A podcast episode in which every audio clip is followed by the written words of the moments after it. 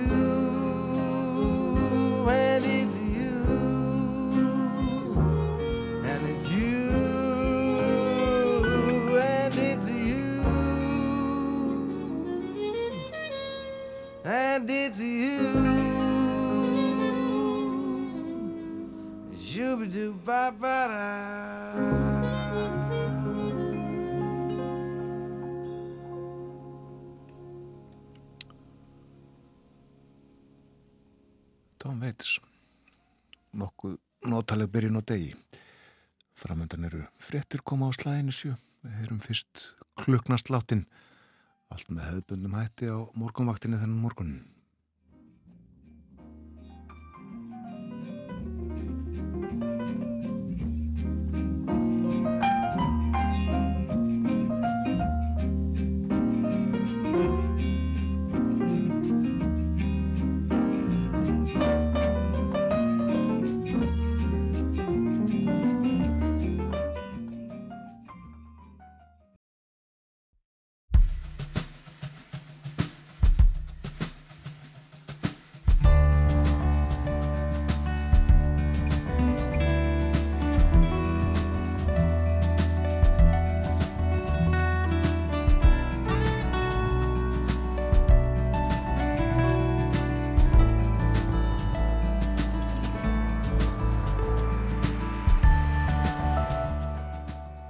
dag. Morgunvaktin hilsar 5. daginn 7. desember. Umsjónamenn þáttarins eru Björn Þór Sjóbjörnsson og Þórun Elisabeth Bóadóttir. Og við förum yfir það sem er framöndan hjá okkur Bói Ágússon sest við heimsklukkan klukkan halv átta. Á dagskráðu eru bresk stjórnmól. Boris Jónsson kom í gær fyrir sérstakar rannsóknar nefnd vegna viðbráða stjórnvalda við COVID-faraldrinum og hann baðst afsökunar. Tveir aðrir fyrfirandi ráþærar íhaldsflokksins koma einnig við sögu í heimsklukanum í dag. Íslenskum krökkum gengur ekki nógu vel í skólanum. Þetta sína nýbyrtar niðurstuður alþjóðlega písa samanbörðarins. Sérfræðingar hér á landi leggja til breytingar til úrbúta og við heyrum hverjar þær eru. Anna Kristín Sigurðardóttir, profesor og mentavísindasviði Háskóla Íslands verður kjá okkur klokkan hálf nýju. Og svo þetta Ísfyrðingar vilja ekki að fleiri skemmtiferðarskip leggja að bryggjum bæjarins en undanfærin sumur. Það er komið að þolmörkum segja þeir. Þetta sýnir nýr rannsókn. Við ræðum um þolmörkin í ferðarþjónustunni, hvað þóla, bæjir og náttúran. Við veltum því fyrir okkur á eftir. Það er kallt á landinu, austanátt um landið allt, hvasviðri á Suðurlandi alltaf 20 metrar á sekundu þar í dag. Dálítið lélsuðaustan og austan til annars bjartað mestu. Og já, kallt frostið 1-15 stig kaldast fyrir norðan í einsveitum en hitin í kringum frostmark við söður og vestur ströndina. Það er hæð yfir Grænlandi en við óttum mikið lagðasvæði allangt söður á landinu. Þetta stjórnar veðrunu. Það verður hægari vindur á morgun og lögadag en svipað veður áfram og það er áfram kallt í veðri að minnstakosti út mánudag.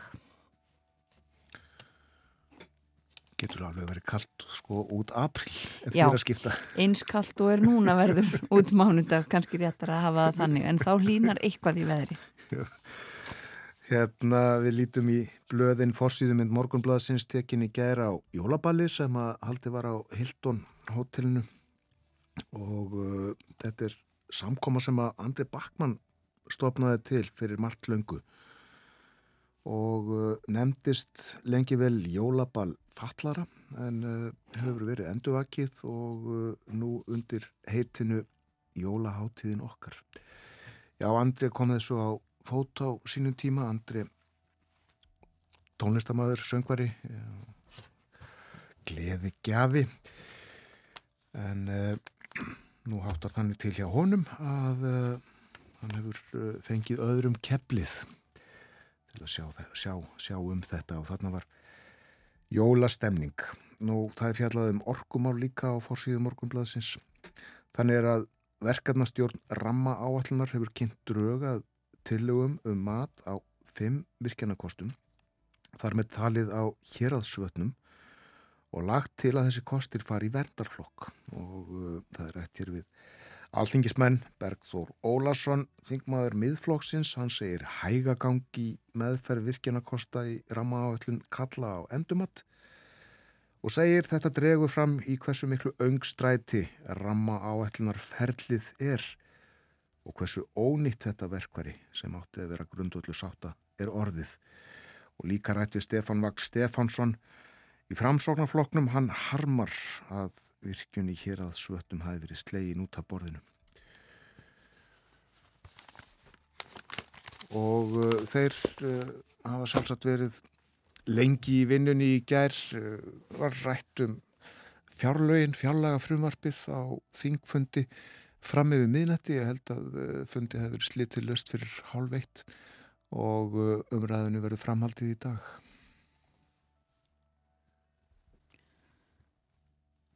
Já, umræðinu framhaldið og þingfundi sem hefst klokkan hálf 11.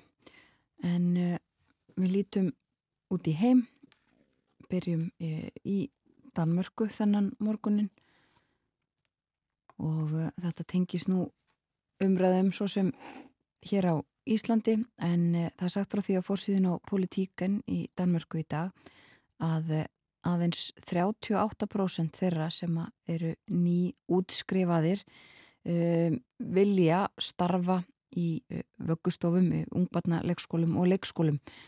Á sama tíma þá er skorturinn á kennurum mikill Ráð þeirra þessara mála uh, setur tröst sitt á herri laun og uh, mentun, betri mentun. Um, þetta er fórsíðu frettin stóra á fórsíðun og politíkin í Danmarku í dag.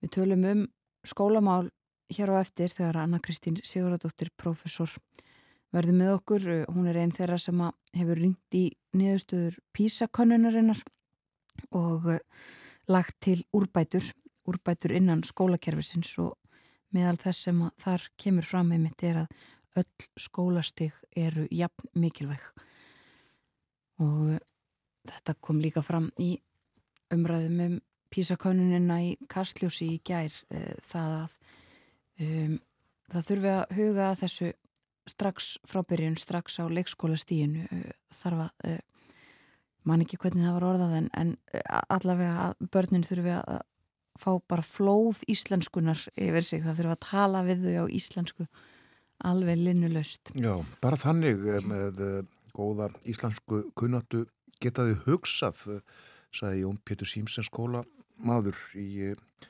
kastljósninni gær og þau orðans endurleikin í frettónum aðan. Ennmitt.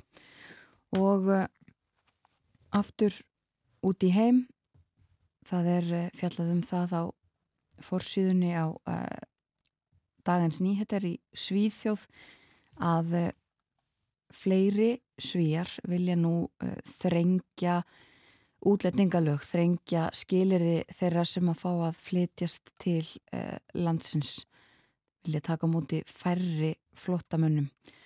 Stríðið í Úkrænu mýkti þessa afstöðu svíja, segir í undirfyrirsögn en nú vilja 57% svíja uh, sjá strángari reglur og þrengingar á þessu og uh, þessi mál líka til umfjöllunar í breskum fjölmjölum í dag, bresku blöðin um, mörg hver með uh, frettir af stöðumála í, í breskri pólitík innflytjanda ráþarann var að segja af sér vegna útlendingamála, uh, vegna áforma stjórnvalda eða, eða uh, ekki nægilega góðra áforma.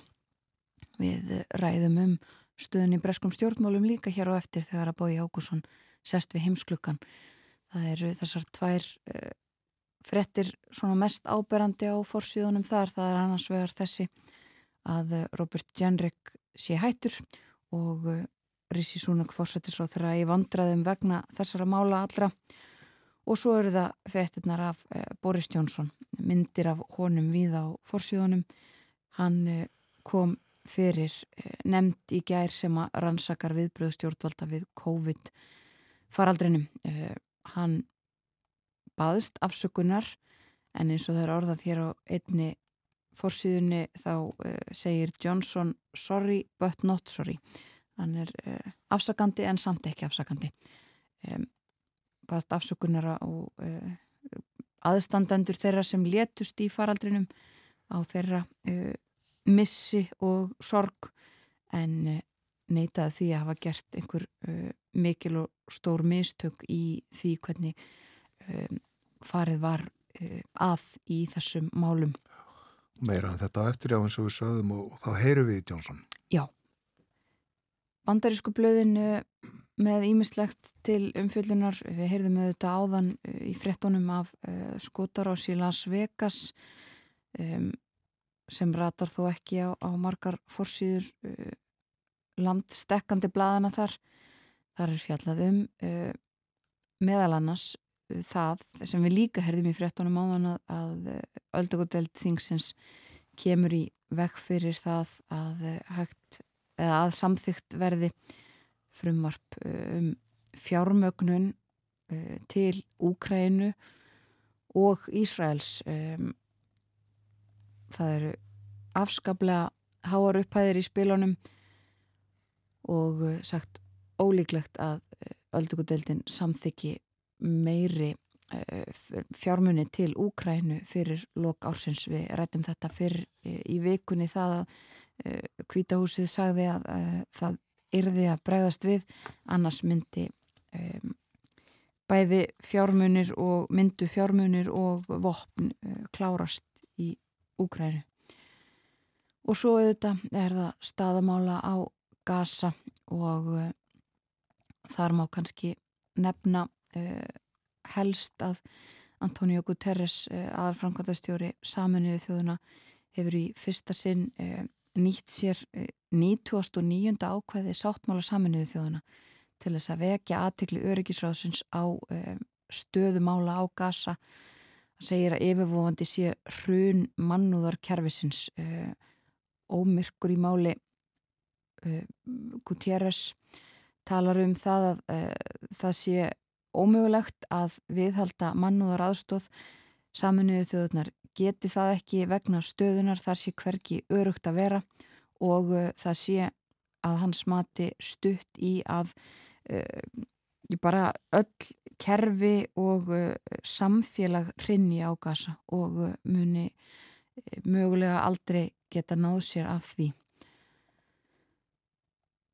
og uh, hann sendi frá sér uh, yfirlýsingu bref til uh, öryggisráðsins og óskar eftir því að það sé grepið inn í allt verið gert til að koma í vekk fyrir enn frekari harmleik á svæðinu. Það verði að koma á tafarlausu vopnallið þessi mál svona þau sem við draugum fram úr erlendum fjölmjölum í dag Lákar að nefna það að uh, í austufrétt á vefnum er sagt frá því að frostþoka hefur myndast yfir lagafljóti í miklum kulda síðustu daga. Næsta nákrenni fljótisins er rýmað. Þessi frostþoka getur skapa vandraði á fljóðlinum þótt bremsu skilir þið séu með besta móti. Og uh, hér eru byrtar myndir sem að Unnar Erlingsson ljósmyndari á eilstöðum tók með flíildi, dróna og uh, vel þess virði að skoða fallega myndir að austan. Ég minna á að uh, Árnins Nævar heldur áfram umfjöllun sinni um uh, mannréttinda yfirlýsingu saminuðu þjóðana. Pistill hans á dasgrá hér eftir smástund en hlustum fyrst á lag og hér undir náluna hjá okkur er komin sjálfur Louis Armstrong.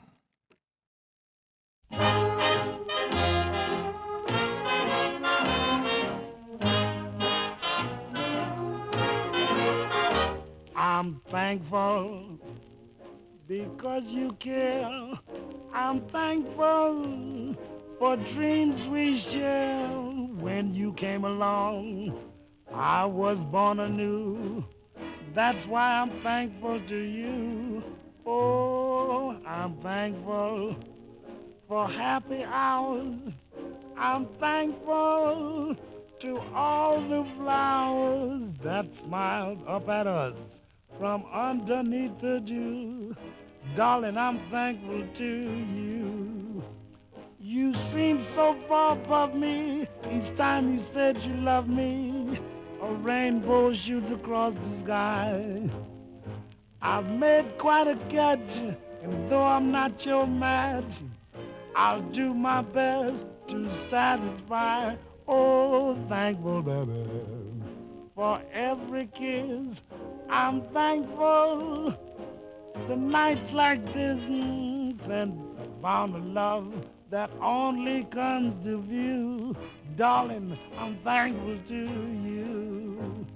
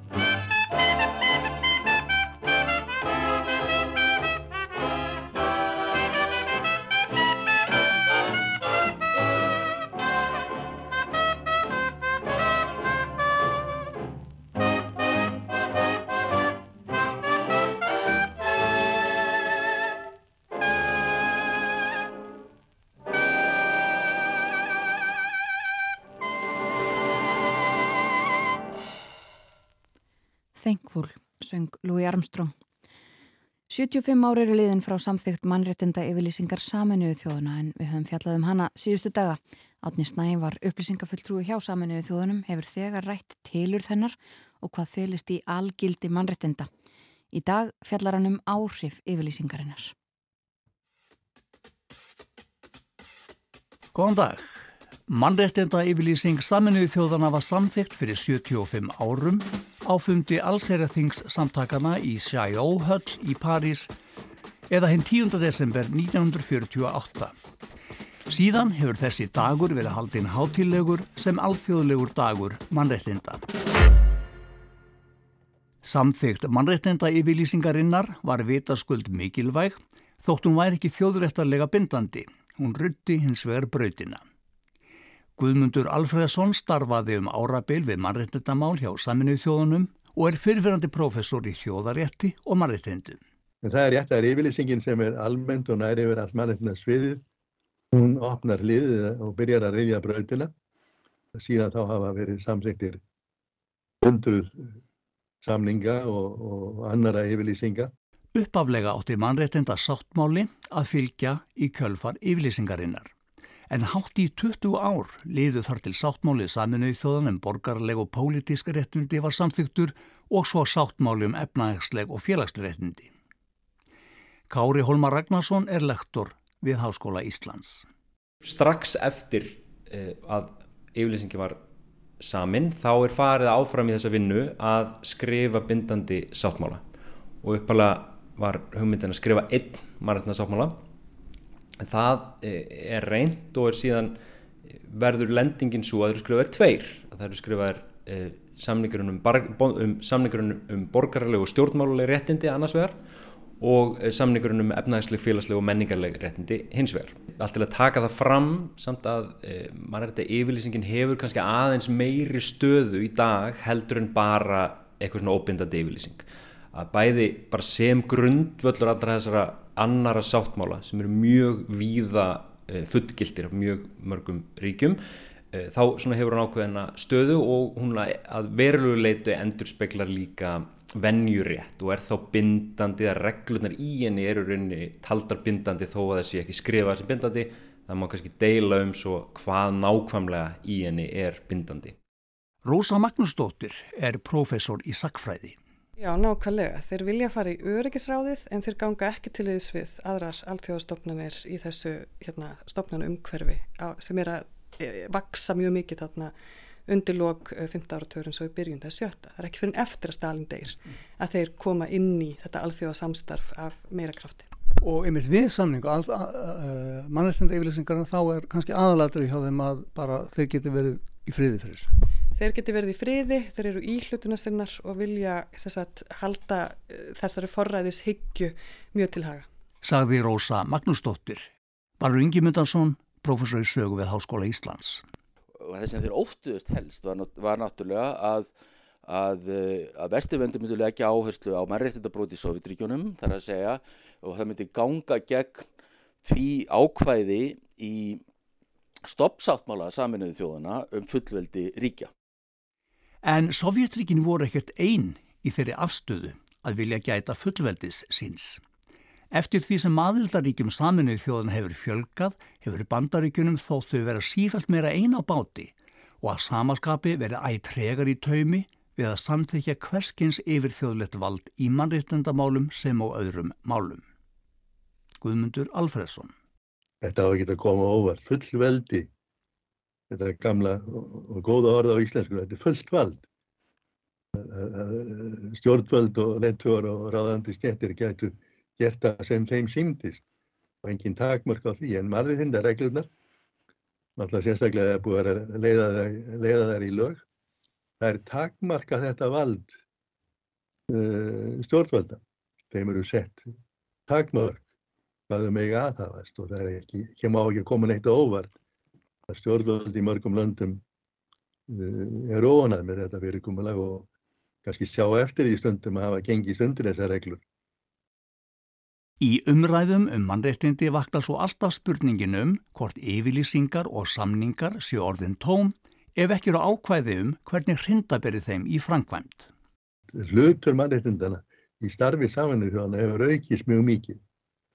En fremur við líka haft mun meira eftirliti með því að það sé framkvæmt það sem í þessum mannreitinda heimildum segir. Það hefur líka aukist. Það er með samninganemdum og eftirlitsvöldfröðum sem ferðast um heiminn og skila skýslu. Og, og hinbóin má náttúrulega segja líka að það er ekki alltaf farið eftir þessum tilmælum samtakana. Það er víða brotið á þeim en ef það er litið til lengst tíma, ef þú skoðar tímabili frá 1948 ángur í dag, þá hafa orðið framfærið. Það er heilmikla breytingar til eins betra. Og uh, vonum að það haldi áfram í, í það átt og það séu öðru hverju skref aftur á bakk. Sagði Guðmundur Alfredsson. Og þar með sláði botnin í umræðum 75 ára afmæli mannreitninda yfirlýsingar saminu þjóðarna í dag.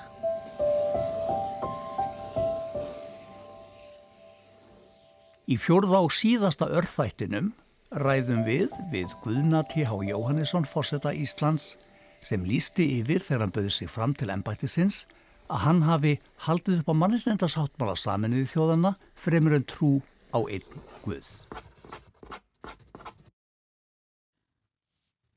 Átni Snævar fjallaði um mannrættinda yfirlýsingu saminuðu þjóðana og tilefnið eh, eins og fram hefur komið 75 ára ammali hennar á sunnudag.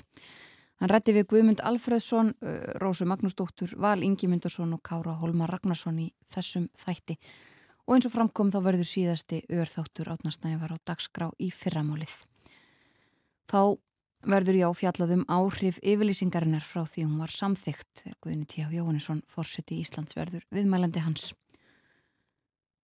Við fyrum að leipa frettastofinni að yfirleitt morgun fretta næst á dagskrá. Svo verðum við okkur bói Ágússon, sest við heimsklukkan og í dag ætlum við aðalega að ræða um bresk málefni.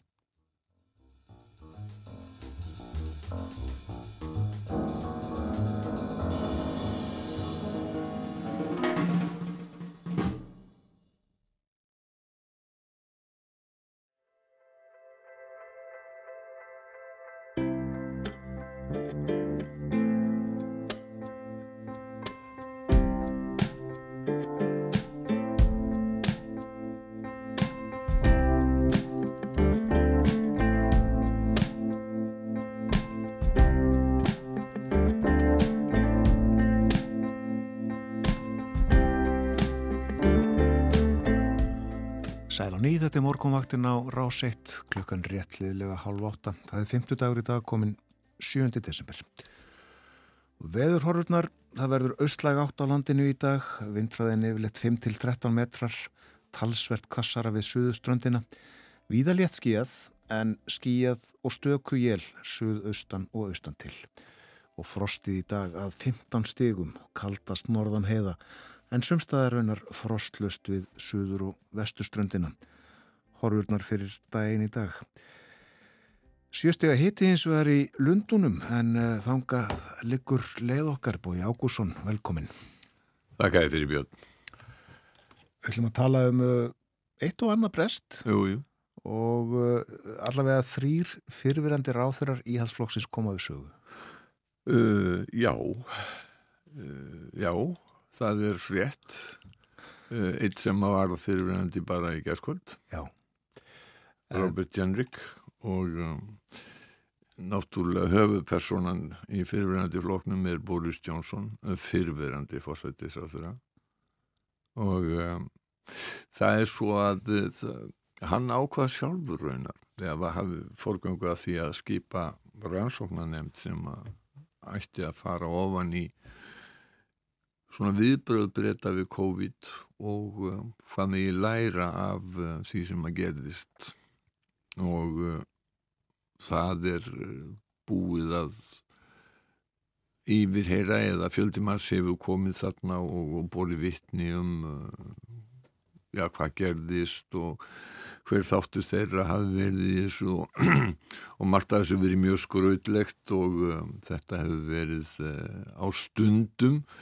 Uh, þó að efnið sé nú ekkert skemmtið að triði að þá hafa vittnarleisluna þarna verið bísna líflegar og uh, uh, kannski ekki minnst þegar að Dominic Cummings uh, fyrfirandi um, aðstofamaður svona aðalráðgjafi Boris Johnsons barvitni og þarna hafa líka verið í aðalutverki WhatsApp skilaboð sem að gengu á milli manna þeir hafa greinilega notað það smáfóritt mjög mikið í samskiptum og WhatsApp skilabóð komu líka til umræðu í gær vegna þess að á einhvern sérkennlegan hátt að þá týndust öll WhatsApp skilabóð úr síma Boris Johnsons. Æjæj Æjæj, já þetta var frekar ólánlegt. En það er til fullt aðeim samt og uh, Dominic Cummings var sérlega orðljótur. Og uh, svo orðljótur að við höfum það ekki eftir í virðulegum þætti eins og uh, morgunvaktinni.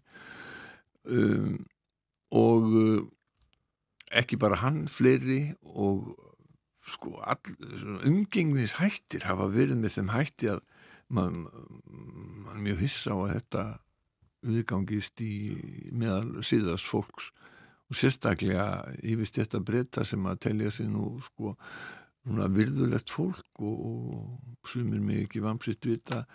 En náttúrulega þarna verið flett illa ofan að því að þetta er að þessu verið bara skulum segja einu svoni notaði Bjarni Heitin Guðnarsson orð í ja, alþingi Íslending og fekk ávítur fyrir. Það var orðið rumpulíður. Já.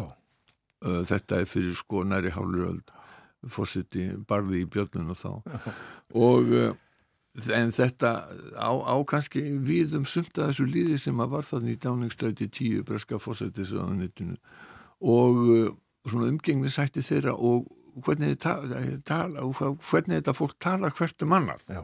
sem er alveg, algjörlega, algjörlega fáranlegt. Og rifum nú upp að margt kom í ljós í storminu miðjum, fundir og partí og ímislegt fleira. Just. Sko, Boris Johnson, uh, það var fyrir dagur hans í gær og uh, setjum dagurinn verður í dag og hugsanlega verður hann spurður út í partistandið uh, í dagningstæti tíu.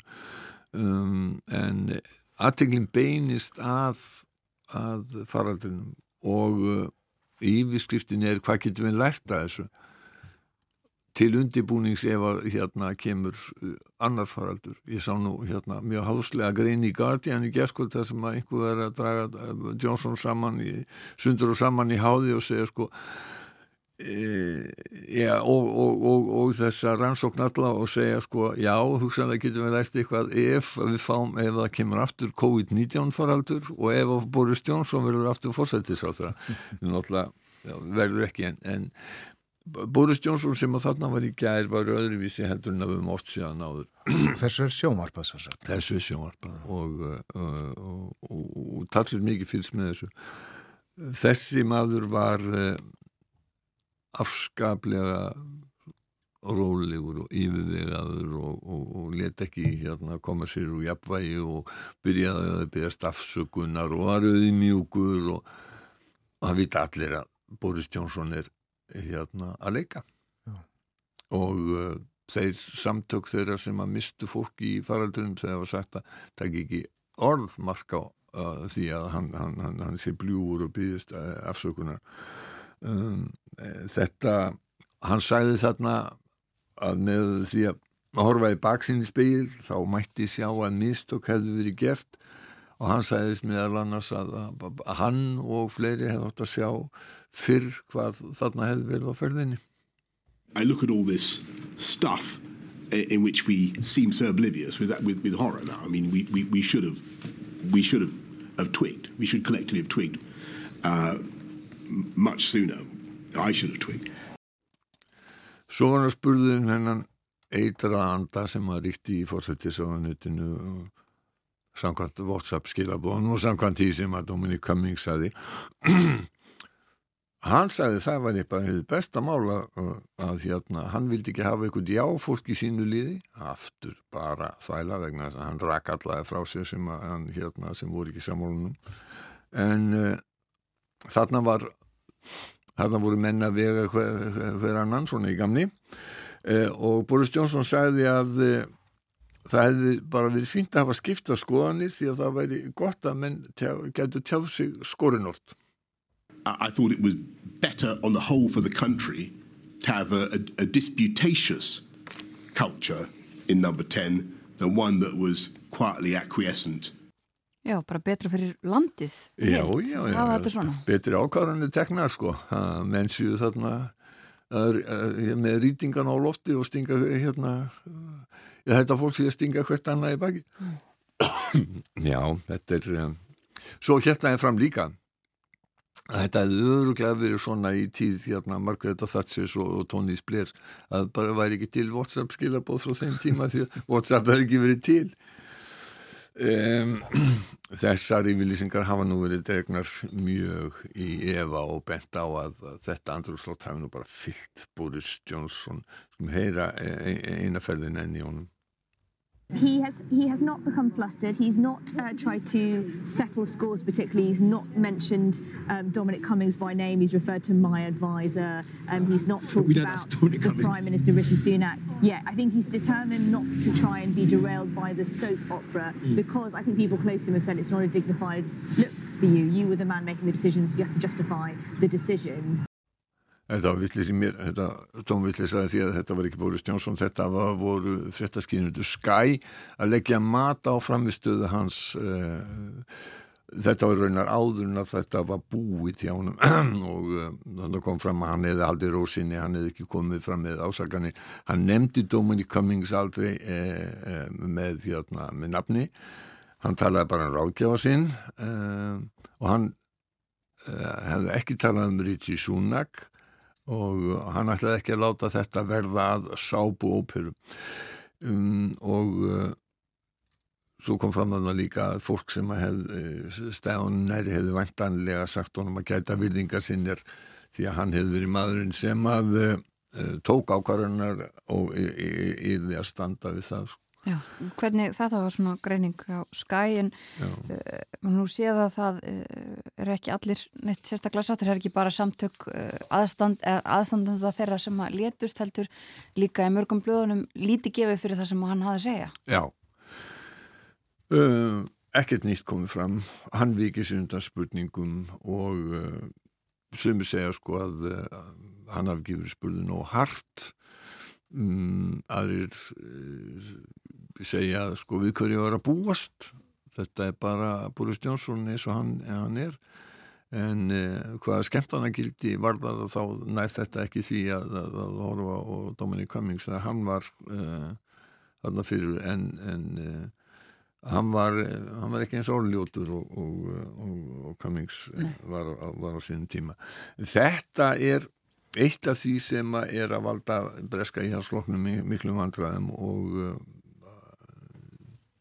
verið að benda á það og í rauninu að koma í ljósa að breytar brúðust seint og illa við og uh, dánatíðnin í Breitlandi í, í faraldunum er með því hesta sem umgetur í þróuðu vestrænu ríki með uh, gott heilbriðiskerfi og uh, annað sem að veldur þeim miklu vandræðan þess að dagana er uh, vandamál með hælisleitundur sem að þeir eru að reyna að koma úr landið, þeir eru að reyna að stöðva uh, fjölda þeirra sem að koma á litlum bátum yfir frá Fraklandi. Það vilðist vera aðalmáli hjá þeim að vísu hefur svona upp á allra síðustu daga verið tala líka meira um það sko að, að það voru 750.000 manns sem að fluttu til Breitlands umfram þá sem að fluttu frá Breitlandi uh, í fyrra og þetta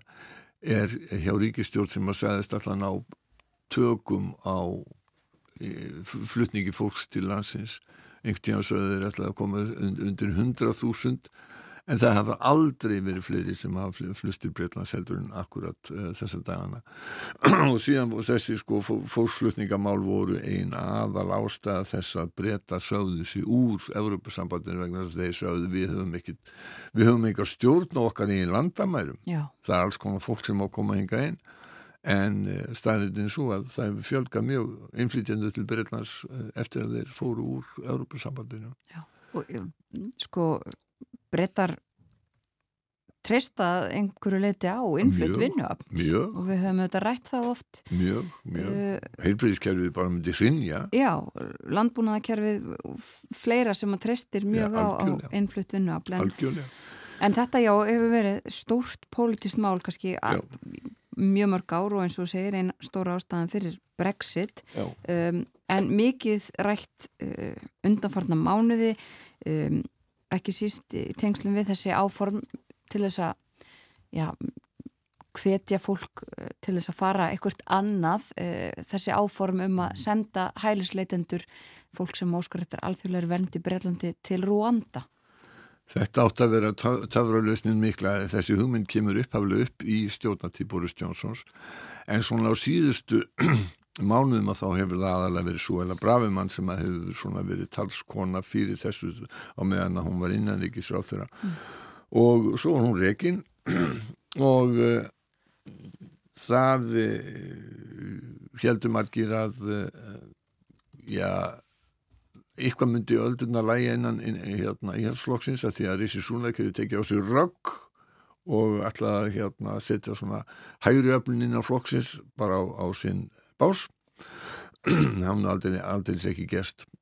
E, þessi tilraun bresku stjórnarna til þess að, að flytja uh, hælisleitindu til Rúanda uh, hún fór út um þúur þegar hæstir eftir Breitlands úrskurðaði að samningurinn sem var gerð við stjórnöldi í Rúanda væri ólöglegur eða hann stæðist ekki vegna þess að Rúanda væri ekki, væri ekki örugt ríki. Já.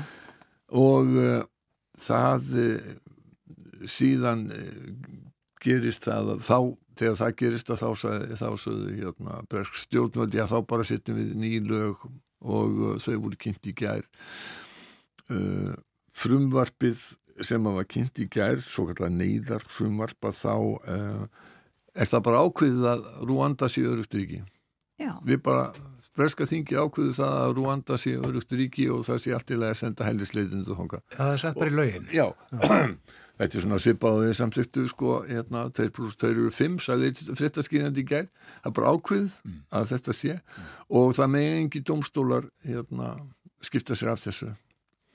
Samt sem áður að þá um, telja margir á hæri kantinum að það, er ekki gengið nógu langt það liðvitt segja skilið við mannreitnindar sáttmála Európa og þetta finnst að heyra núna Guðmund Alfredsson hérna í, í örþáttum átna snævar rétt á hann uh, tala akkurat um, um þetta að því að mannreitnindar dagurinn er 10. desember en breytar vilja sumi þessari hörðustu bara ganga úr og segja sko við við erum fullvalda ríki, látum ekki einhverja ellenda domstóla hérna segja okkur fyrir verkum e, frumvarpi gerir samt sem áður á því að, að það sé hægt að hunds, hundsa einstakar dóm, dóma frá hérna mannindadómstólunum í, í Strasbourg og þetta gengur þetta ekki upp. Ég er ekki lögfræðingur en, en, en sko mér finnst ekki ganga upp að þú getur valið og hafnað hvaða dómum frá dómstóli þú ætlar að, að hlýta uh, en uh, en hérna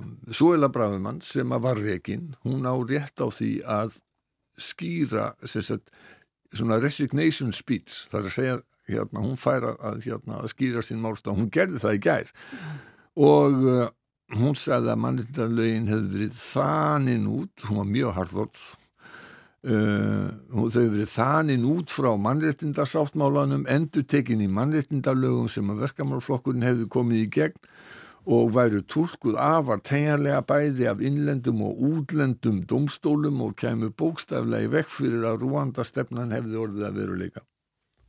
Expansive human rights laws flowing from the European Convention on Human Rights replicated in Labour's Human Rights Act are being interpreted elastically by courts, domestic and foreign, to literally prevent our Rwanda plan from getting off the ground. Svo, svo listaði Brafimann upp skilir fyrir því að hún og væntanlega harðasti hæri kjarni í hersflokksins uh, settu til þess að styðja frumvarpið. Lögin er það að tryggja að yfirvöld getur handtekki fólk og flutt úr landi án þess að mannreitnindalög, mannreitnindasáttmálin, flottamannasáttmálin eða nokkur önnur alþjóðalög getur stöða það. Hver stjórnar Breitlandi spurðun? Hvar líkur endanlegt úrskurðavald í málefnu breyta? Er það breska þjóðin sem ræður og kjörni fulltrúa hennar eða eru það óljós, breytileg og óábyrg hugmyndum alþjóðlega lög? Þetta var, var, það voru lætið inni. The powers to detain and remove must be exercisable notwithstanding the Human Rights Act, the European Convention on Human Rights, the Refugee Convention and all other international law. Who governs Britain? Where does ultimate authority for the UK lie? Is it with the British people and their elected representatives? Or is it in the vague, shifting, and unaccountable concept of international law? Já, já, þetta er, hún er kjarnist þetta hún var ekki með neina öskur eða neina slíklæti en, en mjög rótækt það sem hún segir sko, hún bara í raunin er þetta hugmyndun um það að það geti enginn sagt einn fyrir verkum, þetta sé fullvalda þjóð og að sko í raunin að gefa skíti í, í hérna alþjóðlega sáttmála og, og hérna og alþjóðlega lög. Hún sagði sko að það væri nú eða aldrei. Ég er flokkunni stæðið frammi fyrir að vera þurkaður út í kostningum og allra næstu mánuð með hann eh, leggi ekki fram ef, ef hann leggi fram enn eitt frumvarpið sem að ná ekki tilgangi sínum. Ætlum að berjast fyrir fullveldi eða láta flokkin okkar degja spurnum. It is now or never. The Conservative Party faces electoral oblivion in a matter of months if we introduce yet another bill destined to fail. Do we fight for sovereignty or do we let our party die?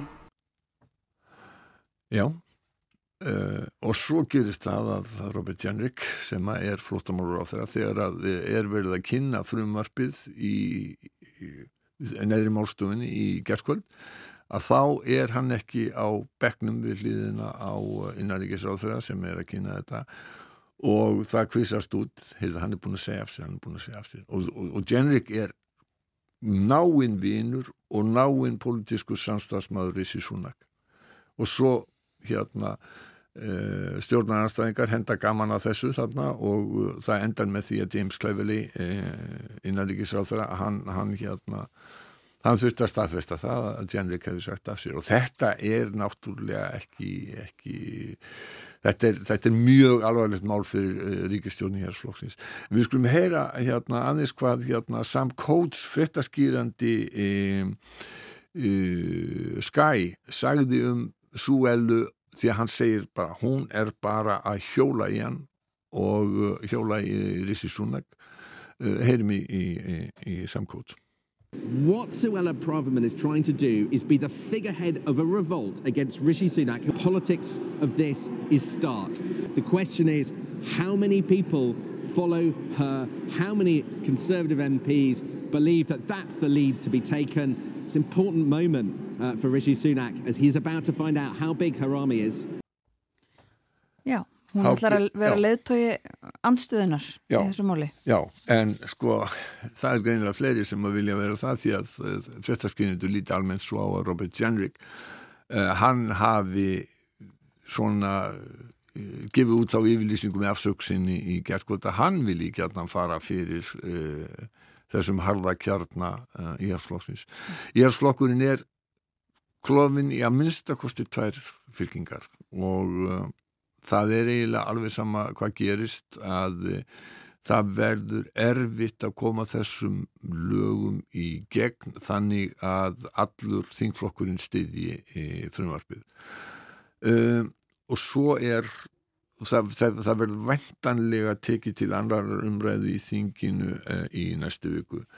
Uh, sumir hafa verið að velta því upp að það, það gæti farið svo að uh, þetta endaði með því að ríkistjórnin segði því stiði þetta frumvarp eða því verði rekin úr þingfloknum og það þýðir það að þá er þetta með því að segja þetta er spurningum tröst á ríkistjórnina og þá er uh, Rísi Súna komið spurninguna um uh, vantröst á sjálfa sig uh, upp á yfirborðið og það gæti endað ítla og þá segja menn, heyrðu fyrir ekki allir að fara að skipta um leiðtúa í hérflóksins en einu sinni. 2019 þeir eru unni einhvern mesta kostningasígur í sögunni eh, undir fólustu Boris Johnsons. Svo röklast hann frá og þá tekur hún, hvað heit hún? Liz Truss, já, já við. Og svo hérna, hún duði hvað, fimm vikur og, og tvær vikur voru, þá var allt í politísku frosti vegna andláts drotningar eh, og svo Rúsi Súnek sem er búin að vera réttur umlega ál núna ætliði þá að fá fjórða fósættisáþrann á jafnmörgum árum og þeir voru nú að gera grínaði í gær eh, verkamálflokksmenn eh, að þeir voru að segja sko í allir sögunni hafa verið sex fósættisáþrann verkamálflokksins. Eh, íhjálpsflokkurinn er að ná jafnmörgum á, á, hérna, á innan við einu kjörtíðanbili En þetta, sem, þetta eru mjög von tíðindi fyrir íhjálpsflokkin og þar er ekki, sko, ef að frumarbyrðu í neðri málstofunni þá er alla líkur á því að, að, að, að lávarðadeildin hún hendiði tilbaka og segja þetta gengur ekki. Það gengur ekki að ganga á bak allþjóðarsamlinga og svo í enni eitt, eitt dæmið þessu er það að Ríkistjóður Rúanda segir ef að þið samþykki lög sem er ganga gegn allþjóðarlögum, allþjóðarsáttmálum eh, þá er bara þessi samlingu fyrir bí. Já. Þannig að Rishi Sunak og íhersflokkurinn eru í miklum vanda að vandsið já þeir, hversu lengi þeir lifa fram á næsta ár, það, það er mjög vansa Við fylgjumst með þessu, takk fyrir í dag Bói Ákusson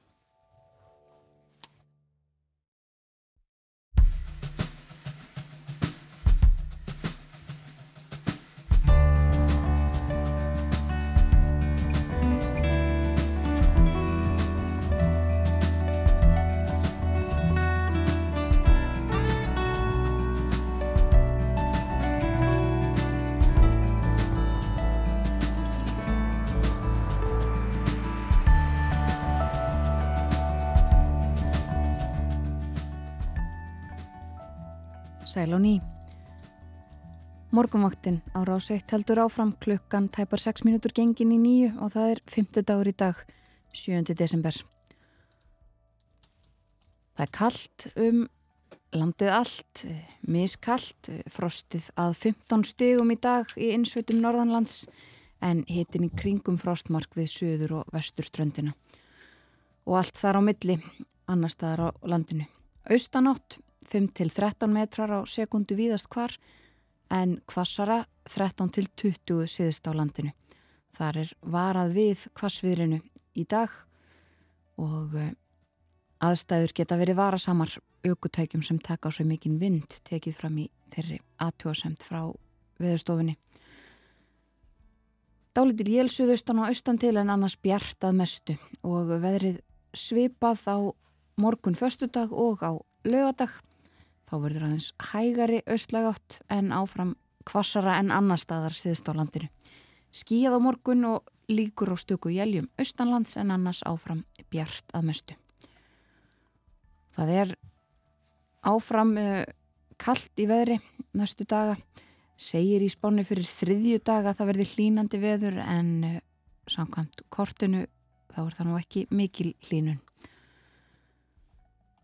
Bói Ágússon var hérna hjá okkur áðanrættum aðalegum bresk stjórnmál og uh, þessa rannsókn sem að nú fer fram uh, og er sjónvarpað á uh, viðbröðum stjórnvalda þar í landi við COVID-faraldrinum.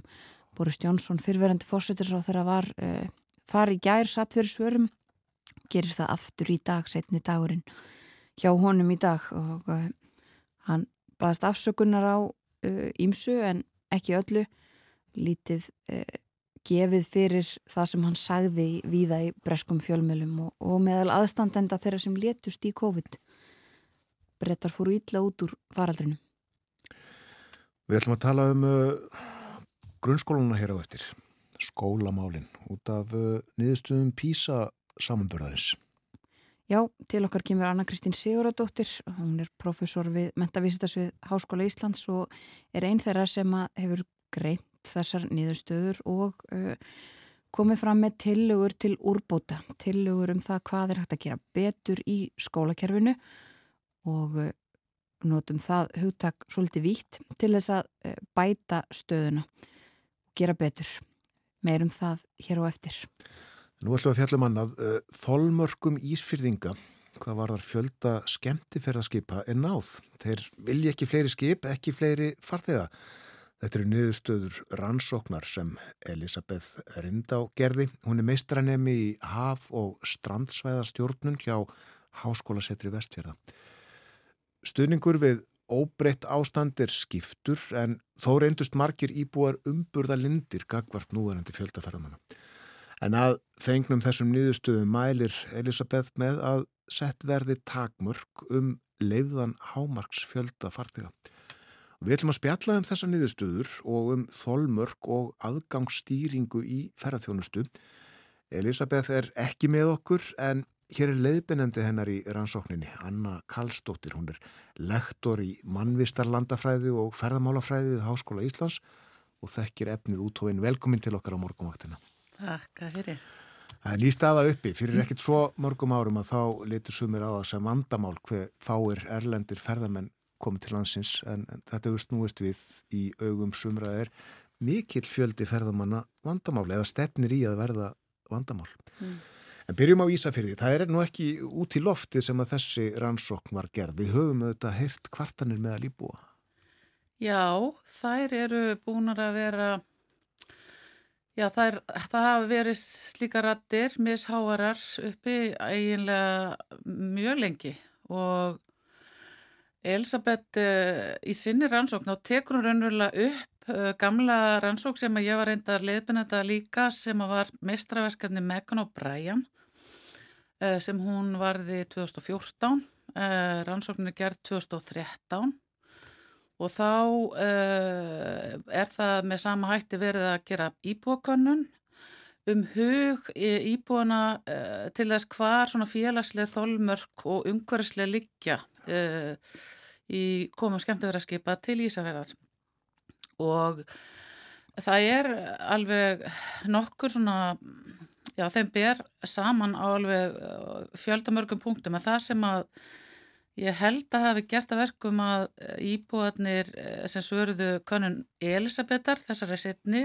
og nýlari voru kannski að sumiliti vorum hissið við hvað þeir voru þó jákvæðir var að þessi svona ónægurætti sem hafi verið mjög hávarar fyrir heimsvaraldurinn að kannski var uh, þetta pínliti farið að fjarlægast að því að það hafði jú komið heimskreppa þar sem komu nána stoppuð alveg og auðvita vitum við það að ferðjónustu fyrirtæki sem að höfðu að starfa og haga af uh, þessari tegund ferðamennsku mistu mikið spónur askisinn og, og, og þurftu verulega á að halda uh, innkomi eða tekjum. Já, þannig að það uh, gatt allt eins gerst að, að uh, afstæðan myndi breytast. Já, en, á, en það var mjög greinileg samt sko svörun á því að nú væri eiginlega komið nóg og áhyggjur til dæmis í bóna af ekki síst umhverfsmálunum voru mjög skýr. Og Einmitt, niðurstöðunar svona kannski er að e, þólmörkunum væri náð e, fólk Einmitt. sammálu um það að það væri Já. allavega ekki hægt að ganga lengra Einmitt og uh, þetta er bara sama og raunverulega svörum voru 2014 ég uh, var á samt, samstagskonu minni þá Nordregio uh, 2017 að gera, taka viðtóli í Ísafyrði við sko hagaðilina í hérna þessari tegund verðarþjónustu og eh, þá kom nú ljós sko að það hafði verið um, svona þreyfingar um að halda íbúafundu og það má e, vel vera einmitt að það hafi verið haldnir e, íbúafundir þar sem að var verið að ræðum þá er mjög mikilvægt að ná sáttum hvar margir lægi mm. uh, já og hérna en, en þá og ég, við tölum við lögfræðing til dæmis sveitafélagsins sem, sem þá var Þórti sem ég held að sé núna sveitastur í Vestubið að, að hún eh, einmitt sagði sko að það væri mjög sterkur vilji til þess að gera það. En uh, þegar við tölum við hafnastjóran þá upplýsti hann okkur líka um það að uh, vandin væri kannski lægi í því að þetta gæfi mjög mikla tekju til hafnana Uh, sérst í formi hafnagjálda komu skemmt að að skipa og það, uh, sérst, það fjármagn væri uh, svo mikið að það geti viðhaldið uh, bara öllum höfnum á vestfjörnum. Þannig að þá kemur þessi svona hagræna Segja, þessar hagrænu hagsmunir inn sem tóast á á við þessa félagslu. Já, hafnastjórnarnir er oft fylgjandi skemmtverðarskipunum við Ísmanni. Já, Uh, og sko ég held reyndar að það hefur verið mjög gott sko samstar nú að Krús Æsland sem er svona hagsmuna að samtök uh, uh, og það sem að mitt margir hafnastjórar hafa meira segja leitt sko Evrópusamtökin gegnum tíðina. Mitt fyrir um hafnastjóri mjög gerði það á sín tíma og hérna Uh, að þeir eru uh, já ég menna þetta þeir vita mjög mikið um þessi mál og þeir eru að taka við pöntunum uh, eða bókunum mjög langt fram í tíman þannig að raunverulega sko ég, ég myndi segja að auðvitað hlýtur að tóast á í þeim þetta með hugsanlegan hérna tekjumissi og svo það að auðvitað ég menna þetta líka á meðan að þetta er ekki ágangur að þá er þetta bara skemmtilegt innlegg í lífið í bænum. Já, akkurat. En uh, skiljið rétti, er andstaðan tvíþætt? Uh, þetta eru annars vegar umhverfismálinn, þú nefndi það, það er mengun að þessum skipum og, og það er náttúrulega alltaf lokni hinnum fara skutilsfyrði, en svo líka bara, ef við getum satt bara ágangur fólks, uh, það hátta nú þannig til á Ísafyrði að, að af kæjanum ertu eiginlega að koma bara inn í íbúðakörfi. Einmitt. Og fólk er að sjá hérna byggð Já. sem hefur öruglega aldrei séð áður. Hún er náttúrulega einstök þessi gamla byggð þarna. Akkurat. Og fólk bara nánast á gluggum hefur við heilt og það er einmitt það sem að íbúðarnir hafa kvartað yfir að eins og að uh, það sé uh, annars annarkvort er, eru farþegar bara ekki nægilega vel upplýstir um svona code of conduct bara hvernig á að hegða sér eða þá að uh, já, það er allavega að þeir fara yfir einhverju velsæmis mörg uh, eh, hvað var það svona bara fríðhelgi yngalífsins og fólk hefur þótt verulega óþægilegt að þeir eru að kíkja inn og glugga á húsum og svona og það mm. myndi þetta fólk sannlega aldrei gera heima á sér en við þekkju það reyndar frá fleiri ferðamann á hópum og, og þjóðum að það hefða sér ofta öðruvísi annar staðar en heima á sér. Er það ekki þetta sem heita sko, félagsleg þólmörk? Jú, uh, og það er auðvitað það sem var verið að mæla og það eru margar svona ólíka mælustykur uh, sem hættir að nota til að mæla það einn svona eldgömmul frá 1975, þetta er hérna Doxes Iridex og mæli sko svona eiginlega gráðunar að pyrringi sem geta orðið í móttöku samfélaginu og hérna og svo eru margar aðrar, það svo eru líka sko með ferðamennum geta samfélag breyst, tekið breytingum. Og við sjáum það til dæmis hvernig að uh, svona þjónust á umhverfi fyrir að taka miklu meira mið af uh, svona, komur að segja uh, væntingum og þörfum ferðamanna, við getum séða bara í til dæmis veitingahúsum eða eða því sem verið að selja í búðum. Við sjáum bara miðborg Reykjavíkur. Nákvæmlega. Það er gott aðeins. Og, uh, og þá hafa verið uh, nota rýmsar aðferði til að reyna að meta hvar liggja mörki fyrir svona minnstu ásettanlega breytingar. Já. Uh, og, og það er hægt að mæla það auðvitað í hug íbúa líka. Svo manni eftir máli sem kom upp uh, fyrir nokkrum árum. Ívetningar voru pyrraðir þeir uh, fengi ekki mjölk og brauð í búðinni, ferðamennetin voru búin að kaupa allt upp. Einmitt og ég, einmitt þarna stóð ég á höfninni á Akureyri, ég var í þrjú ára hérna að dreifa með hjálp skipafélagana og Pétur Spjarnasonar hérna höfnastjóra á Akureyri Ólafssonar Ólafssonar fyrirgeðu, já, mm. að hérna uh, í, sagt, við set, fengum að, að dreifa spurningakonunum í klefa uh, í skipunum sem var svolítið einstakt og uh, ég man, sko, þá bara líka kannski ég var svona þetta alltaf þróast með þjónustu við ferðamenn aðra heldur en bara þessar sætaferðir sem voru pantaður um borð mm. Þannig að eiginlega allir sem fór í ferði sem var alveg örgulega uppundir, já, millir 60-80% farþegana, að þeir fóru bara allir hringin í kringum hérna mývatn. Þannig að mm. þá varðu auðvitað þessi örtröð og það, það er alveg hægt að skipulegja ferðamennsku þannig að það verði ekki þessi örtröð. Já, og þá kannski erum við komin í þetta að vika þetta eins út og, og það fyrir landið allt, það er kannski, er það ólíkt hver þessi þolmörk eru, þú nefnir og, og því þetta, uh, þú komin beint inn í einhverja litla byggð og þolmörkin eru kannski önnur þar heldur en einmitt í miðborg Reykjavíkur. Eða, uh, Alveg, já. það er engi spurning og við sjáum það til dæmis að uh, með, nú ef ég bara held mig við skemmtiferða skipa farþegana, að þá bara einhvern veginn, þeir súast bara inn í svona yðumannlífs hérna í borginni, við tökum ekkert meira eftir þeim en öðrum ferðamennum þannig séð uh, hér í borginni. En á minni stöðum og nú hef ég gert uh, tölvert að rannsóknum í litlum samfélum á Grænlandi að þá verður þetta bara, veist þetta er bara svona eins og innrás. Og það er ó, já það er óhagfælt fyrir eiginlega báða aðila, bæði uh, eh, hafðilegan í ferðarþjónustunni en líka sannlega íbúana. Mm.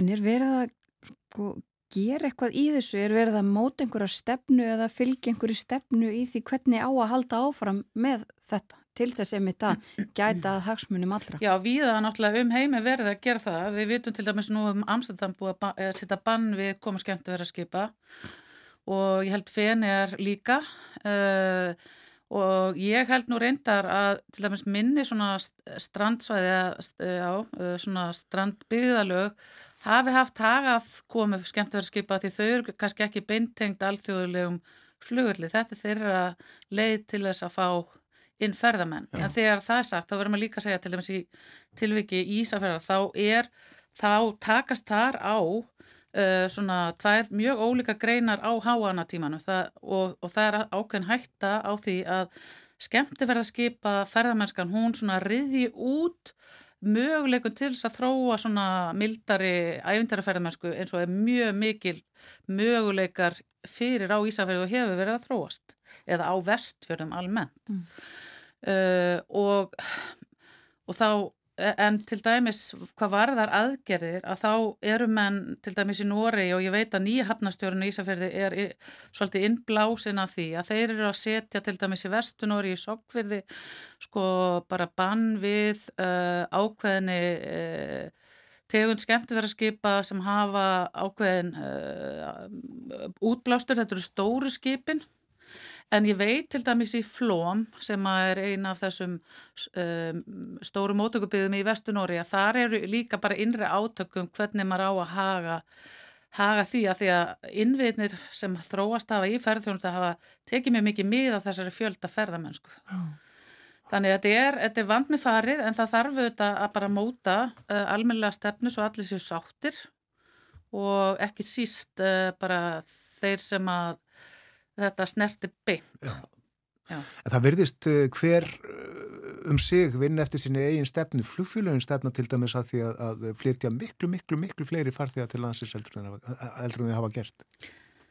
Já, þá langar með einmitt að segja það að sko í svona okkar samfélagsgerð þá er okkur svolítið óeinlegt að hugsa í þeim farfi að við þurfum kannski að slaka á vexti uh, og það sé geti verið kannski hagsætla að gera það uh, og ég held að í ferða þjónustunni að þá séu, við, vitum bara út um allan heim og ekki síst í kjölfarið á heimsfaraldrinu þá var svona ákveðin vak vakning fyrir því sem að ég held að Ólöf hérna, fyrirverðandi ferðamálistjóri kalli nærandi ferðaþjónustu Já. að það sé svona vegurinn áfram og ég held að það getur verið mjög rétt að ég held líka að óleika greinar þurfi að geta lifa saman uh, og að uh, fjölbreytt ferðjónsta sé það sem að við þurfum bara að horfa til. En við meðum alls ekki falla í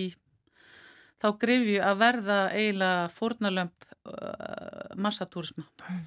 Við hérna, uh, komum ekki alveg um böndum á fiskvegar til dæmis fyrir en komið var í óefniðilega, svo kom áveiði. Ég, þetta er kannski ykkur lenska hérna heima að við fylgjum oft hlutunum ekki nægilega vel eftir. Mjög mikið af frjóum hugmyndum og umræðan oft á tíðum hávær og svona, uh, já, uh, innihaldsrík en... En síðan er þess ekki beint fyllt eftir með stefn og það er auðvitað það sem gerðist á Ísafyrði að það er ekki ennþá búið að móta þessa stefnu, það er búið að vera að reyna það síðan 2014. Það eru auðvitað miklu peningar í húi og þetta er alltaf svolítið Já. erfitt eða peningar eru annars vegar. Já, og það er oft það sem að ræður för Mm. uh, en, uh, en svona til lengri tíma þá held ég að það geti verið farsætla að við reynum að svona, já, setja þetta á eitthvað svona jafnvæg, eitthvað, eitthvað jafnvægis ás. Já. Það er búið að þróa jafnvægis ás ferðarþjónstunar. Við þurfum bara að nota hann betur kannski. Já, kom okkur saman um einhverja stefnu um hvert skal halda til lengri tíma. Einmitt.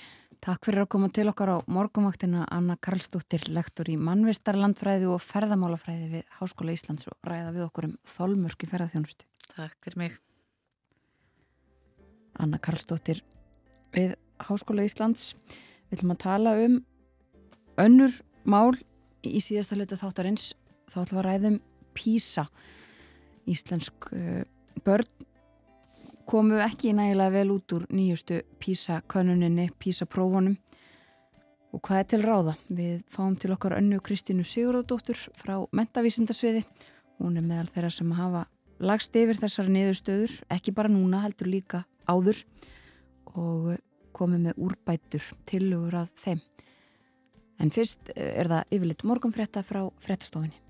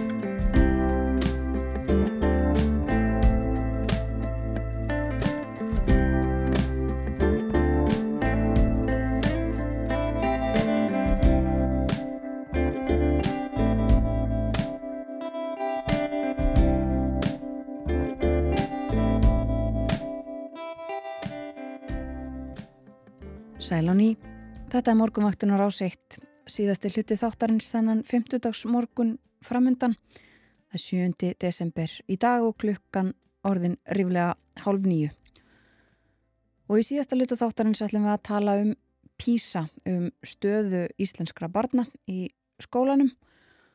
Um þetta hefur mikið verið rætt síðustu daga eftir að uh, niðurstöður nýjustu uh, prófana voru kynntar og uh, framistaða nefnda ekki nægilega góð uh, og fer versnandi á mörguleiti. Meðal framistaða nefnda heilt yfir í þessum písa löndum fór hnignandi en hnignunin var talsvert meiri á Íslandi en á öðru, öðrum norðalöndum. Upplifin barna af skólanum er jákvæðað mörguleiti og þau búið meiri þrautsegju og streytuþóli en jafnaldrar annar staðar ímislegt jákvætt sem að dreyja þér fram en sem fyrir segir eh, gengur ekki nægilega vel og það er kannski ekki síst leskilningurinn sem að dreyin hefur verið fram í þessu. Til okkar er komin Anna Kristín Siguradóttir, profesor við deild kennslu og mentunarfræði við Mentavísindasvið Háskóla Íslands. Velkomin. Takk fyrir. Þú ert einn þeirra sérfræðinga sem að, já, þið farið yfir þessa könnun yfir niðurstöðunar og uh, þú hefur ásönd öðrum skoðað þetta í aðeins stærra samhengi og lagt fram tillögur um aðgerðir og við ætlum að koma að þeim hérna á eftir en förum fyrst bara aðeins yfir sviðið, yfir það hvernig uh, þetta stendur allt saman. Já, sko þetta er náttúrulega ekki það niðurstöðu sem við vildum sjá, alveg klárlega ekki og það að þetta skuli niðurstöðuna fari nignandi e, ekki ár frá ári heldur, þetta er á þryggjar á fresti Mm -hmm. og það er eitthvað sem að, sem að við viljum alls ekki og, og, og það er þetta þannig sko að umræðan verður mjög sterk alltaf um leið og niðurstöðu byrtast svo dalar hún og, og svo þagnar hún og, og okkur hefur einhvern veginn ekki tekist að halda út það sem hefur verið reyna að gera, fylgja því eftir, e, hafa það nógu viðtækt og svo framvegis. Mm. Þannig að við, við ræðum þetta og verðum hissa og, og, og vonsvikinn þegar að þessar niðurstöður koma en uh, svo tekst okkur ekki að bæta neitt úr. Nei, svo tekst okkur og ofta eru við náttúrulega með allt og, allt og tröngt sjónarhótt. Nú er búið að setja fram margar góða tilugur sem allar eru ágættar hver fyrir sig en engin einn þeirra mun duga. Nei. Það er ekki hægt að horfa á þetta út frá einhverju einni laust. Mentakerfið okkar er mjög flóki kerfi og það er fjölmart sem hefur áhrif á það hvort að bönnin okkar ná árangri eða ekki. Og þessir þættir, þeir hafa áhrif hver á annan líka. Já. og það sem að flækir ennþá mál, máli meira er að þessi áhrif þau eru ólík eftir aðstæðum. Þannig að þegar við erum að horfa á sko og reyna að greina aðstæður og ég tek það fram sko písaprófið segir okkur ekkert hvers vegna við erum þarna og það segir okkur heldur ekkert hvernig ég að bregðast við mm. það bara gefur okkur upplýsingar um stöðuna þannig við þurfum að horfa til annara rannsókna og þess sem aðra þjóðir hafa komið stað og, og, og við líka hér. Og ef ég fer svona aðeins yfir sko, yfir sviðið, við horfum bara að menta kerfi í heilsinni, Já. þá erum við með skólastofunar. Þar sem fagmaðurinn og börnin hittast, það er kjarni mentakerfisins. Það er þar sem galdurinn gerist. Já. Og þetta er e, svona e, mikilvægasti vettfangurinn. Og þar erum við að tala um kennsluhætti, þar erum við að tala um samskiptin, þar erum við að tala um samsetningu nefndahópsins, þar erum við að tala um bakgrunn kennarans, þekkingu og, og hæfni og allt þetta og við höfum nýlega rannsók sem sínir okkur að, að við þurfum að svolítið að taka til í kennsluháttunum okkar og eðlilegt er að fara þanga við nýlega norræna rannsók þar sem borðið er saman og þar kemur meðal annars í ljós að, að svona þættir sem varða vitsmunalega áskoru nefnda, það hvernig við stýrum samræðum, hvernig við örfum og svona, að þar þurfum að bæta okkur og þetta geti mögulega skýrta hluta hvers vegna svona fápöllendi í efstu sætunum Já. Eða efstu þrjabúnum. En við sjáum líka þegar við komum inn í þessar skólastofur að þá sjáum við líka þessa styrkleika. Það vingjarlega andrumsloft vilja kennarana til að láta nefnundur nýða vel og svo framvegis. Og það kannski, einmitt, skal ekki gert lítið úr því að, að það skiptir mála bönnum líðið vel í skólanum. Alls ekki að gera ah, lítið úr nei, því, en við getum ekki stoppað þar. Nei. Og uh, það, það að líða vel og ná góðum námslegum árangri er alls ekki sitt hvort hluturinn. Nei, einmitt. En þetta já, skólastofan og, þið, skólastofan og, og þið takið mitt fram í ykkar niðurstöðum Um, sko það er með að kjarnin í skólastarfinu er þar í samskiptum kennar á nefnd og þú ferðaðins yfir þetta kennsluhættina og þetta er þá það uh, eitthvað sem að þarf að bæta í, í kennaranáminu eða er þetta í starfsþróun eða kannski hvort vekja og eitthvað sko, fleira til? Já, ég kem kannski aðeins að því og eftir sko að sko starfsþróun er þetta mjög mikilvæg en aðeins sko skólastofan er, hún er alls ekki eiland og ef við bara horfum aðeins út fyrir skólastofuna á skólan sjálfan mm. þar skiptir máli sko, það er betra að vera góður kennar í einum skóla heldur en öðrum. Og þar erum við að skoða sko fóristuna í skólanum, stjórnunina og svona þetta námsamfélag sem tekst að mynda innan skólans og aðstæðunar þannig að þar er líka þarf að horfa og þá er sama við skólan er, hann er heldur ekki eiland mm. það er heilt kerfi í kringum hvert skóla og það er hérna þetta stuðningskerfi og þar er þessi atriði sem að þú ert að tala um eins og starfstráun kennara. Þar hefur til dæmis verið bent á að hún hefur verið svona mjög brotakent bara síðustu ára tyki, síðustu 25 árin eða svo. E, e, e, engin eitt sem heldur utanum, verið allt og lítið, allt og ómarkvis og svo framvegis. En þetta er auðvitað gríðarlega mikilvægur þáttur. Og svo þetta stuðningskerfi skólana og uh, hvernig eru stuttir í umbótastarfi og svo framvegis. Þetta er sveitafélagana mm. hvað verða leik og grunnskóla. Og við höfum nýlegar úttektir og rannsóknir á því meðal annars frá háskólum á Akureyri og, og nýlega doktorsrannsóknir sem sína að, að þessi svona faglega fórista sveitafélagana er mjög veik og mismunandi eftir sveitafélagum. Þannig allt of uh, margir skólar standa svolítið einir, hafi ekki þann stuðning sem þið þurfa og heldur ekki það aðhald. Þannig að þannig er alveg klárlega eitthvað sem að verður að taka og það er auðvitað þegar byrja við getum hort á mentamálastofnun sem hefur svolítið verið óvirk núna í, um nokkuð tíma mm. en fyrir alþengi likur frumvarp um nýja miðstöð skólaþróunar og við auðvitað bindum vonum við það Já. og það, þá erum við komin svona á landsvísu og þar er aftur þessi grunnmentun kennara og, og, og mentun kennara mentastefnan og námsefni, námskráin náms, námskráin sem e, grunnskóla vinn eftir núna er síðan 2011 og 2013 tók mjög langan tíma komin í, til framkvæmda og það hefur klárlega verið bent á hana þarf að endurskoða. Allavega ákveðna hluta og til dæmis verið bent á að sérstaklega hvað var það náttúrufræði greinar sem eru nú bara að koma sorglega illa út hjá okkur.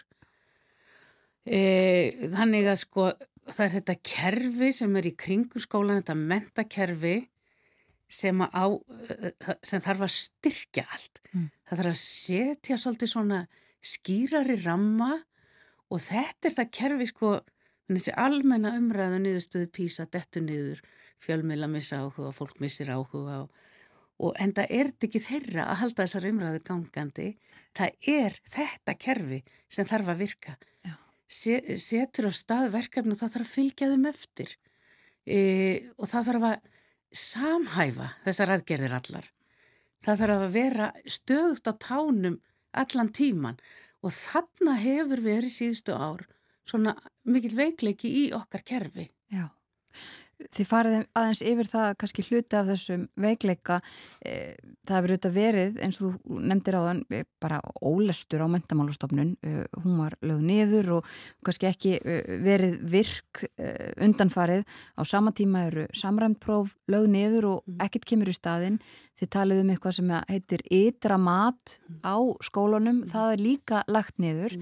Um, bara hverju sætir, hvernig já, þetta, skortir á já, allt þetta og allt á sama tíma? Já, þetta er náttúrulega bara algjörlega sko óviðunandi að það, það vandar þess að kjölfestu kerfið sem heldur þessum þáttum áfram þó að eitthvað, eitthvað virki ekki. Mm -hmm. sko samrænduprófni lögnið, eru lögniður og það var svona talsveit sátt um það og setta fram tilugur um hvað þetta kom í staðin Já það hefur dreyjist að koma því og það er ekki enþá koma að gagna og heita matsferill.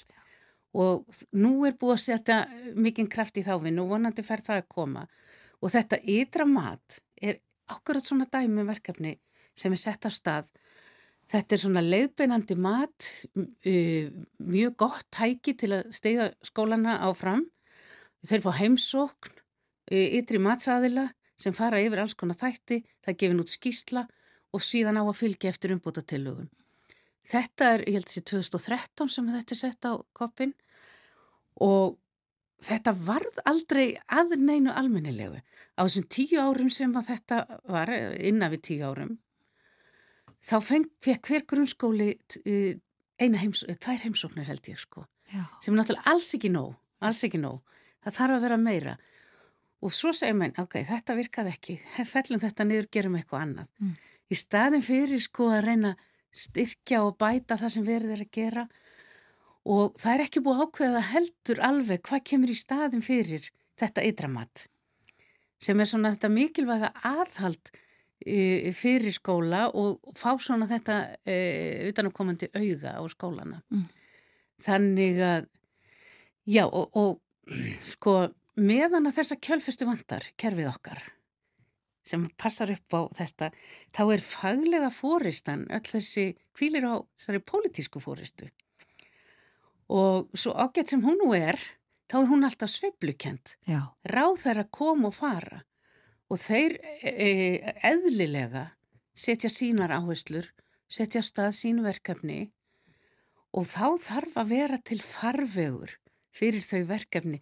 Þannig að öllu sem að e, áður hafiðu verið sett á stað því sé ekki bara hengt til hliðar og allir fara að innbeita sér að einhverju nýju, svo kemur nýr á þeirra og þá er aftur farið að sveiflast. Mm. Þannig að það þarf að styrkja svona þessa faglegu innviði kervisins. Ætti þessi kjölfesta þá og þessir faglegu innviðir uh, fyrst og fremst að vera hjá mentamálastofnun eða uh, þurft að styrkja ráðuneyti og líka í, sko, í þessu? Ég horfi mjög til þessara nýju stofnunar sem á að fara að setja á fót, Já. svona sem samræmingar aðila. En sveitafélugum verða líka svolítið að taka til hjá sér og uh, þau þurfa að sameinast um skólaþjónustu fyrir sína skóla Mentamálastofnun, eða, eða nýja stofnunin, hún mun aldrei geta náðin í alla skóla. Það, alveg, það verður alveg ómulegt. En hún getur verið bakkjarl fyrir skólaþjónustu sveitafélagana. Þannig að sveitafélagin, þessi, þessi minnstu verða taka sig saman og jáfnvel sum þessi stæðstu til að, til að búa til og byggja upp svona svolítið uppluga þjónustu fyrir skólana sína. Mm. Þannig að það sé haldið utanum, það sé fyllt eftir það sé ítt við skiluru og, en mentamáls eða þessi nýja stofnun reyna að venja sig á nýja heitið hún getur samhæft, hún getur fyllt eftir fylst með verið svona bakgrunnur þar sem er mjög sérhæð verkefni þar sem sveitafélagin hafi ekki möguleika á að e, fylgjast með. Áfram að sjá auðvitað um námsefni það líka hefur verið bent á það það hefur ekki verið nægilega mikið gefið út á námsefni. Þannig að við erum að horfa þess að veikleika á mjög mörgum sviðum þegar við horfum bara á kerfið. Já. Og þú nefndir þetta myndi upphafi og svo bara deyr umræðan og, og uh, lítið eða ekkert gert í þessu svona milli kannana. Um, tekst ekki að koma öllum saman að borðinu og í samfunnu um að vinna með þetta eða er það bara ekki reynd? E, sko, það er mjög mikil áhersla núna hjá núverandi mentamála yfirveldum og kennarsambund og fleirum, það er þetta, þetta samtal og samræða. Já. og ég vil nú rosa nýjum barna og mentamálur á þeirra fyrir það hann leggur mjög mikla áherslu á þetta samtal. Og það þarf þetta að vera þá til einhver sem heldur því samtali áfram.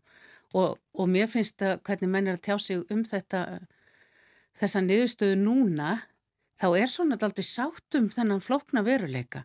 Og hvernig allir þurfa að taka koma borðinu, hvernig allir þurfa að taka ábyrð á þessu. Mm. og, og við höfum verið að tala núna um kerfi sko, við þurfum líka að fara út fyrir sko, út í samfélagið allt saman. Og uh, þar skiptur þetta miklu máli að, aðstafa barna, aðstafa fjölskyldna og barna. Og það var hér í morgun og hinn í rásinni held ég verið að tala um fátækt barna. Og við sjáum í þessum písa niðurstöðum að þessi félags- og efnahagslegu bakgrunnur eru farin að skipta meira máli Já. hjá okkur heldur en áður hefur verið sem bendir til þess að ójöfnuður sé að aukast. Og á þessu verður að vinna. Uh, og þetta er kannski einfaldast en þannig þarf pólitíkin að koma til. Að, að, að fátakt batna er ólíðandi algjörlega.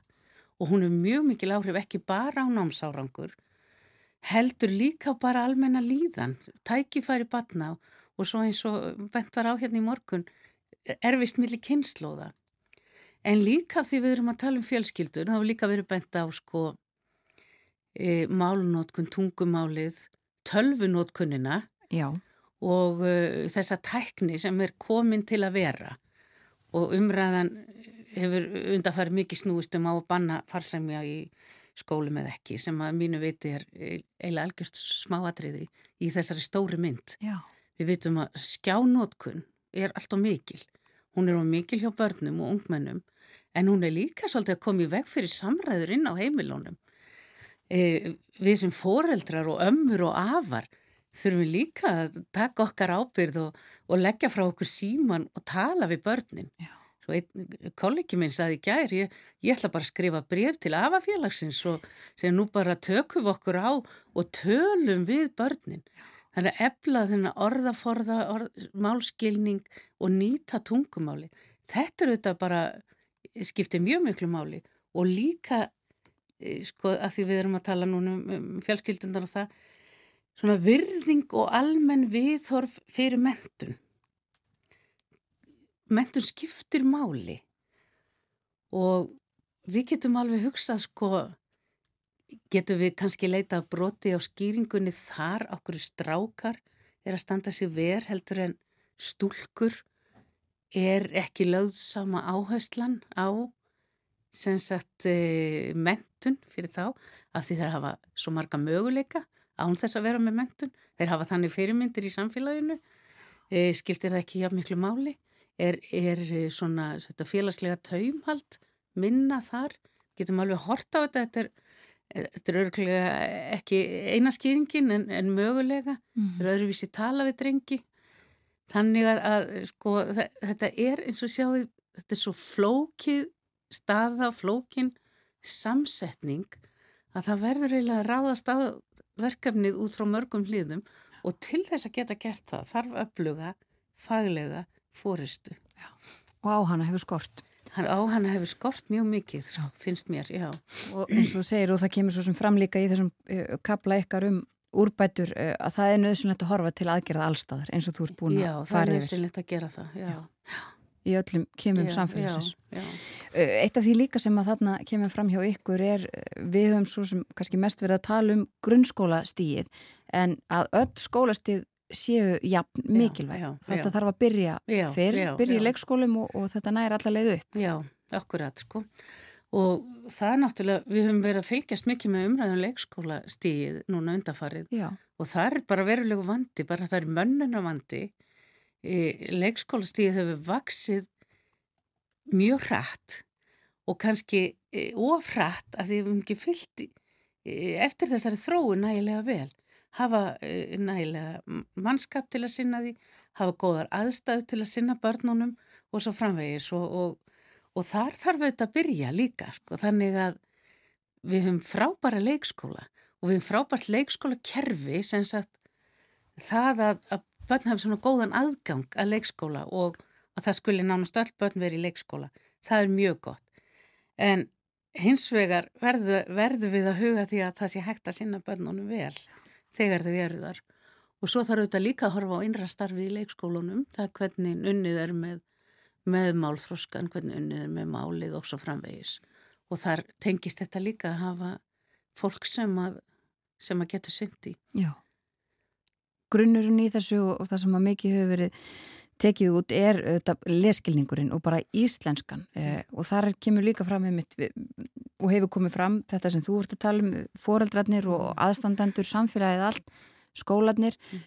og bækunar, það hefur líka verið talað um það okkur vantir hreinlega bara bæði inn í skólana og almennt já. betri og fleiri bækur Já, betri, já, já betri og fleiri sem að lesa þær já. og fleiri sem að lesa þær og svo sko líka við komum sko þessi, þessi orðaforða kennslamálnótkun byrjar auðvitað strax en svo er lestrarkennslan strax í, á fyrstu árum grunnskólans líka mjög mikilvæg og fókusin hefur verið mjög mikið þar mm -hmm. síðan síðasta písa var, þá höfum við verið mjög mikið að tala um þessa byrjenda kennslu sem Já. kennsluna á fyrstu árum grunnskóla og hvaða aðferðir eigi að nota þar og svo framvegis mm og við þurfum að færa okkur svolítið, e, svolítið út fyrir það líka. Það er auðvitað ánsins ég gera lítið úr því. Það er gríðarlega mikilvægt að þar tækist vel til og þeir kennara sem sinni þeirri kennslu kunni vel til verka. E, það hefur verið á það bent í mjög langan tíma að þessi kennsla á fyrstu áru sé ekki endilega það sem er vandamálið okkar heldur hættu við þessari markvísu lestrakennslu allt of snemma eins og þú lærir ekki að lesa í eitt skipti fyrir öll. Þó á einhverjum tímapunkti þá nærðu tökum á þessari tækni mm. að tengja saman hljóð og bókstaf. En svo þarftu alltaf að vera að bæta við þig, þú ert að ráða við þingru og þingri texta þú ert að bæta við þig orðaforða leskilningnum, þannig að það, það þarf að halda þessu áfram alveg upp á úlingastígu og, og jáfnveg lengur. Því að við getum tímt niður hæfni til að lesa. Jáfnvel þó að e, krakkar í öðrum þrýða fjórðabæk mælis nú okkur við getum sagt þau séu læs. Og þá höllum við okkur svolítið aftur og, og hættum að hugsa um það. En þannig er það ekki, við verðum að halda þessu áfram. Já. Takk fyrir að koma til okkar á morgunvaktina Anna Kristín Sigurðardóttir og, og ræða við okkur um e, ég pýsa samanburðin og það hvað þarf að gera e, það þarf að gera ansi margt og víða. Mjög margt. Og einhver þarf að leiða það Einmitt það, látum það vera að loka orðin. Kærar þakkir Anna Kristín Sigurðardóttir, professor við Mentavísindarsvið Háskóla Íslands. Takk sér, takk sem leiðis. Og þetta var síðasta efni morgunvaktarinnar í dag. Það er komið að leðalokum klukkuna vantar um að 5 minútur í nýju. Við, Björn Þór og Þórun Elisabeth höfum sett hér síðan snemma í morgun og þátturum verður á sínum stað í fyrramálið. Morgunvaktin býðu góðan dag þegar klukkuna vantar 10 minútur í 7. Við hvetjum fólk sem er á leið út í daginn að búa sér vel, það er kallt og verður kallt. Við þakkum samfélgina, vonum að þið njótið dagsins. Verið sæl.